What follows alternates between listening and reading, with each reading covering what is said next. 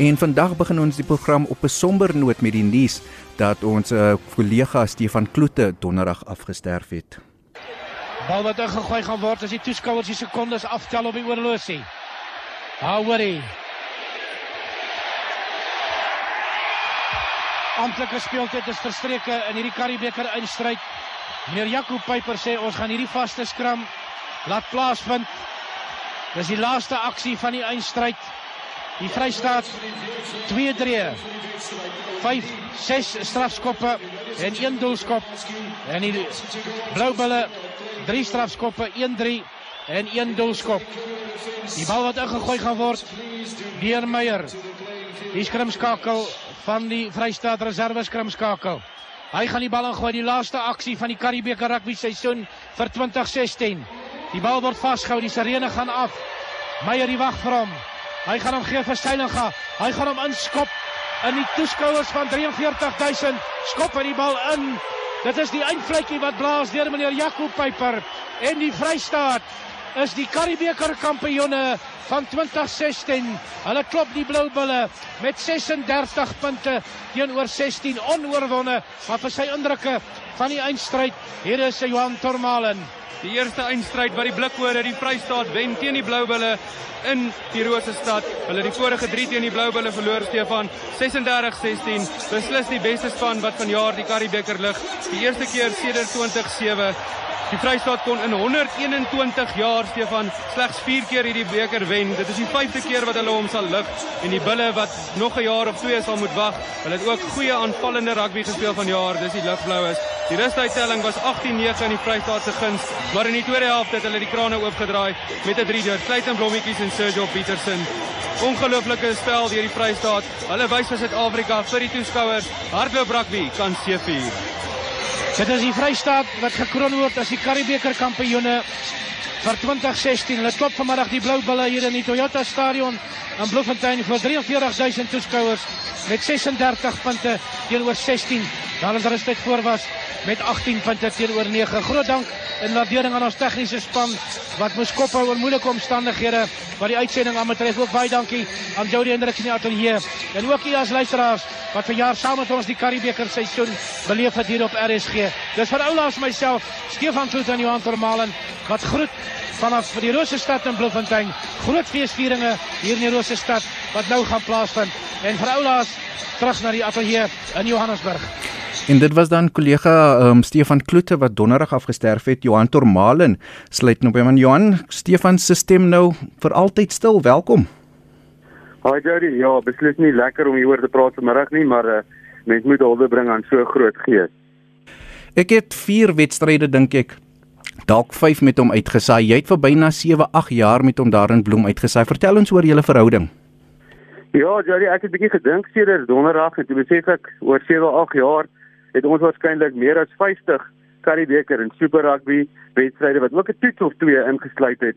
Ehm um, so om uitgesaai so ek het gesê van redelik goed geken en uh ja, hy was 'n ou wat baie passievol was oor die sport en veral oor die rugby en ons het 'n 'n baie baie lekker werksverhouding gehad en ek dink ons het ook 'n lekker uitsaai span gevorm. Ja. Ehm um, die een lekker ding was dat ons het kon lekker saam uitsaai en jy wat ook uitsaai sal weet dat 'n mens nie boor mekaar moet praat en uh, jy weet uh, jy moet weet wanneer om wat te sê en vir my en hom het dit eintlik baie baie natuurlik gekom. Ons het nie te veel met mekaar gekommunikeer nie. Albei het geweet wanneer watter een moet praat en uh, dit was net 'n groot genot om saam met hom uit te saai. En uh, ek dink nie baie van die luisteraars weet ook wat in terme van voorbereiding in 'n wedstryd ingaan nie. Wil jy 'n bietjie uitbrei oor die voorbereiding wat jy gele gedoen het? Het jy notas uitgeruil, daai tipe goed? Ja, ons eh, soos soos dit nou werk op die lig, het elkeen van ons 'n bepaalde rol. Hy is die hoofkommentator wat meer die die spel en die verloop van die spel sal kommentaar lewer op en ek die analis of die tweede kommentator moet bietjie meer statistiek en sulke goeters gee. Ons het altyd altyd voorberei, jy weet, die spanlyste by ons gehad, die name geoefen en een of twee, um, jy weet, lekker feite en goed van in die week. Voorbereiding het jy baie keer so 'n uur of 2 ure gevat voor 'n wedstryd. Jy weet om al die feite bymekaar te kry, jou papiere reg te hê En ek en Stefan sou altyd voor 'n wedstryd bietjie gesels het oor een of twee goed wat ons gelees het dalk in die koerante, jy weet interessante statistieke oor van die spelers en hy sou my altyd geterg het want ek sou altyd jy weet 'n kitsfeit of twee gehad het en dan en dan sou hy vir my gesê het ek gaan as die geleentheid daar is dan sal ek jou vra. Ja, okay. Nee, ek hoor jou, dit klink so Stefan. Ehm um, maar hy was 'n uh, seun van Bloemfontein deur en deur en ehm um, uh, ook 'n groot leemte gelaat vir die sportgemeenskap van uh, die Vrystaat en Bloemfontein spesifiek, Johan. Ja, hy was nie net 'n groot gees op RSG nie, hy het ook 'n groot invloed in die Vrystaat en uh en spesifiek Bloemfontein gemaak. Hy was uh, baie bekend hier en ook 'n leier in die gemeenskap. As ek maar net 'n paar goed vir jou kan noem, hy was sportkoördineerder by korrektiewe dienste. Dit was sy sy dagtake in sy werk. Hy was betrokke by Radio Rosestad vir omtrent 20 jaar as sportaanbieder en verslaggewer. Hy was ondervoorsitter by die Oud Grey Sportklub gewees en uh, hy het ook op beheerliggame van sy kinders se skole gedien.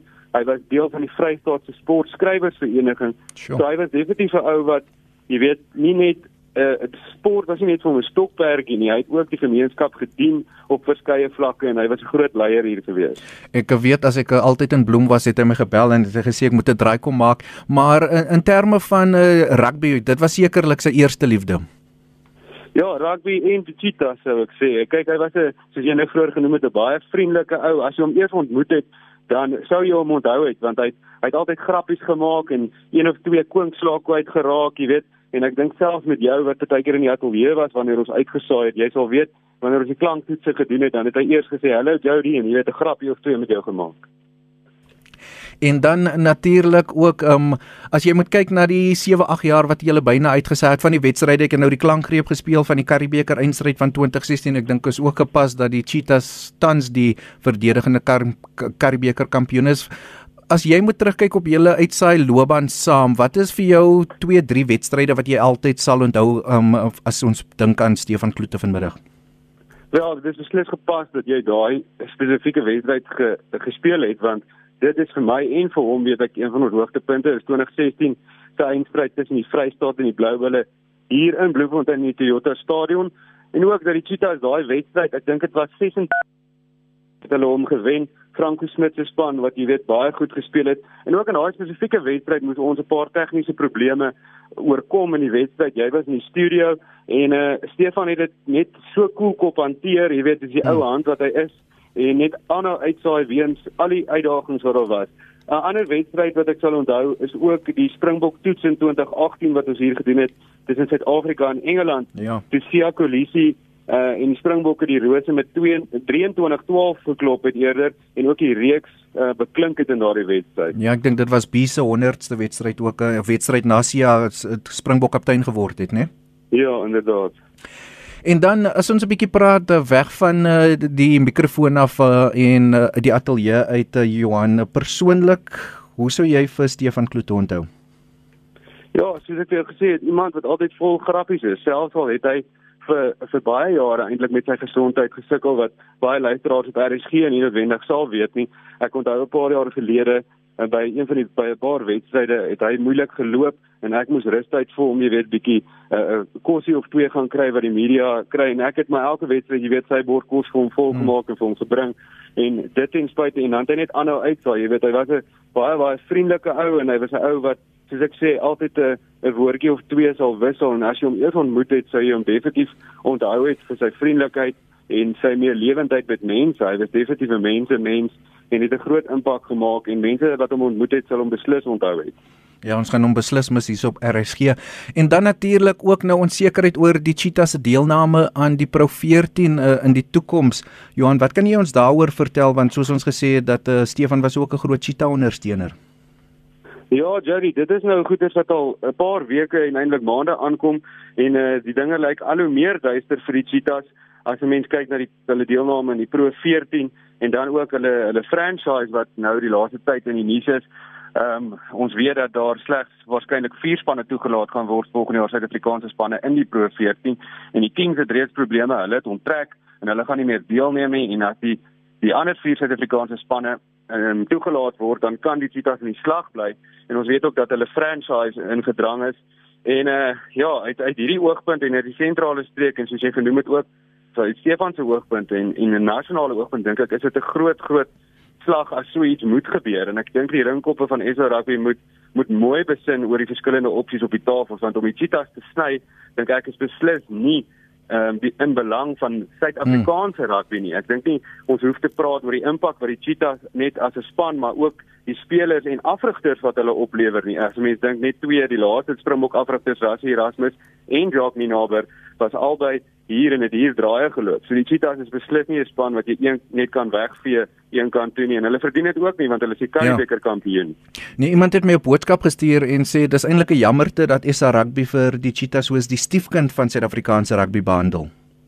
Ja, ek stem 100% saam met jou. As mense dink toe ehm um, die spanne moes minder gemaak word in Super Rugby destyds, was die Cheetahs en die Kings die twee spanne wat wat die trekpas moes kry en nou nou dat die ander spanne ook 'n inkome soek wat met Super Rugby se toekoms duister is. Nou wil hulle weer die cheetahs een kant toe skuif en ek voel die cheetahs het regtig hulle kant gebring en keer op keer gewys jy weet dat hulle 'n gereuse bydrae tot Suid-Afrikaanse rugby maak. So uh, uh, hoe sou jy die toekoms van die cheetahs sien? Maar net 'n Karibeker span of uh, moontlik uh, wat is die ander opsies want super rugby gaan nie gebeur nie. Wel, dit sal baie hartseer wees as die Cheetahs net 'n Karibeker span raak. As mense veral dink aan die groot name soos Frans Steyn, Roan Pinaar, almal wat tans vir die Cheetahs speel. Ek sien daar's ook ook sprake wel van 'n moontlike oorseese kompetisie. Dis nou indien die Cheetahs wel nie meer 'n franchise in Suid-Afrika is nie, is daar 'n kompetisie wat hulle bespiegel dalk in Nieu-Seeland en Australië. Maar die Cheetahs, hulle moet aan 'n groot kompetisie deelneem en hulle verdien dit. So dit sal baie tragies wees as hulle, jy weet, 'n eerste rangse span basies raak. Want 'n uh, ryk tradisie, 'n uh, rugby tradisie in Bloemfontein as ons praat van Grey College, die Universiteit van die Vrystaat, die Cheetahs self. Ja, die Shimlas het al die waarste beker gewen. Ons weet Grey College is kom ons sê dit nie kom ons jok nou nie vir mekaar nie. Ek kom eintlik uit die Kaap uit, maar ek is al lank in Bloemfontein. Grey is definitief die beste rugby skool in Suid-Afrika en uh rugby fabriek jy kan nie net uh, jy weet so streek jy weet van die kaart af vee nie dit sal dit sal jy weet tragies wees en uh, 'n mens kan dit amper nie eintlik indink hoe sal dit in Suid-Afrika wees sonder die cheetahs nie. Want uh, ons het in die verlede ook al gesien hoe van die groter unies en ons neem nou aan die vier grootes gaan moontlik in die Pro 14 of Pro 16 speel. Um, hulle lek hulle lippe af as hulle kyk na die talente in die in Bloemfontein en uh, spelers wat hulle moontlik dan na uh, ander unies kan lok. Ja, hulle en die afrigters, ons dink Franco Smit terug nou vir Italië af en hy het ook hier deurgekom en soos ons het altyd gespot in hier by die Cheetahs dat ons gesê het jy weet die Sharks is op baie die die Cheetahs se A-span en dan die Cheetah B-span speel vir die Cheetahs. So ja, wat die Kruiwenweek betref en en al daai dinge is is die spelers is baie gesog en ek bedoel Springbokke, um, ons kan lank daaroor praat oor dit al vir die Cheetahs al opgelewer en bygedra het. Johan, baie dankie vir jou tyd en uh, dankie vir die hulpblyk aan uh, Stefan Kloete vanmiddag. Ja, dankie Jody, ons dink aan sy familie en vriende en ons hou hulle in ons gebede. Dit was dan Johan Tormalen wat langsam Stefan Kloete uitgesaai het.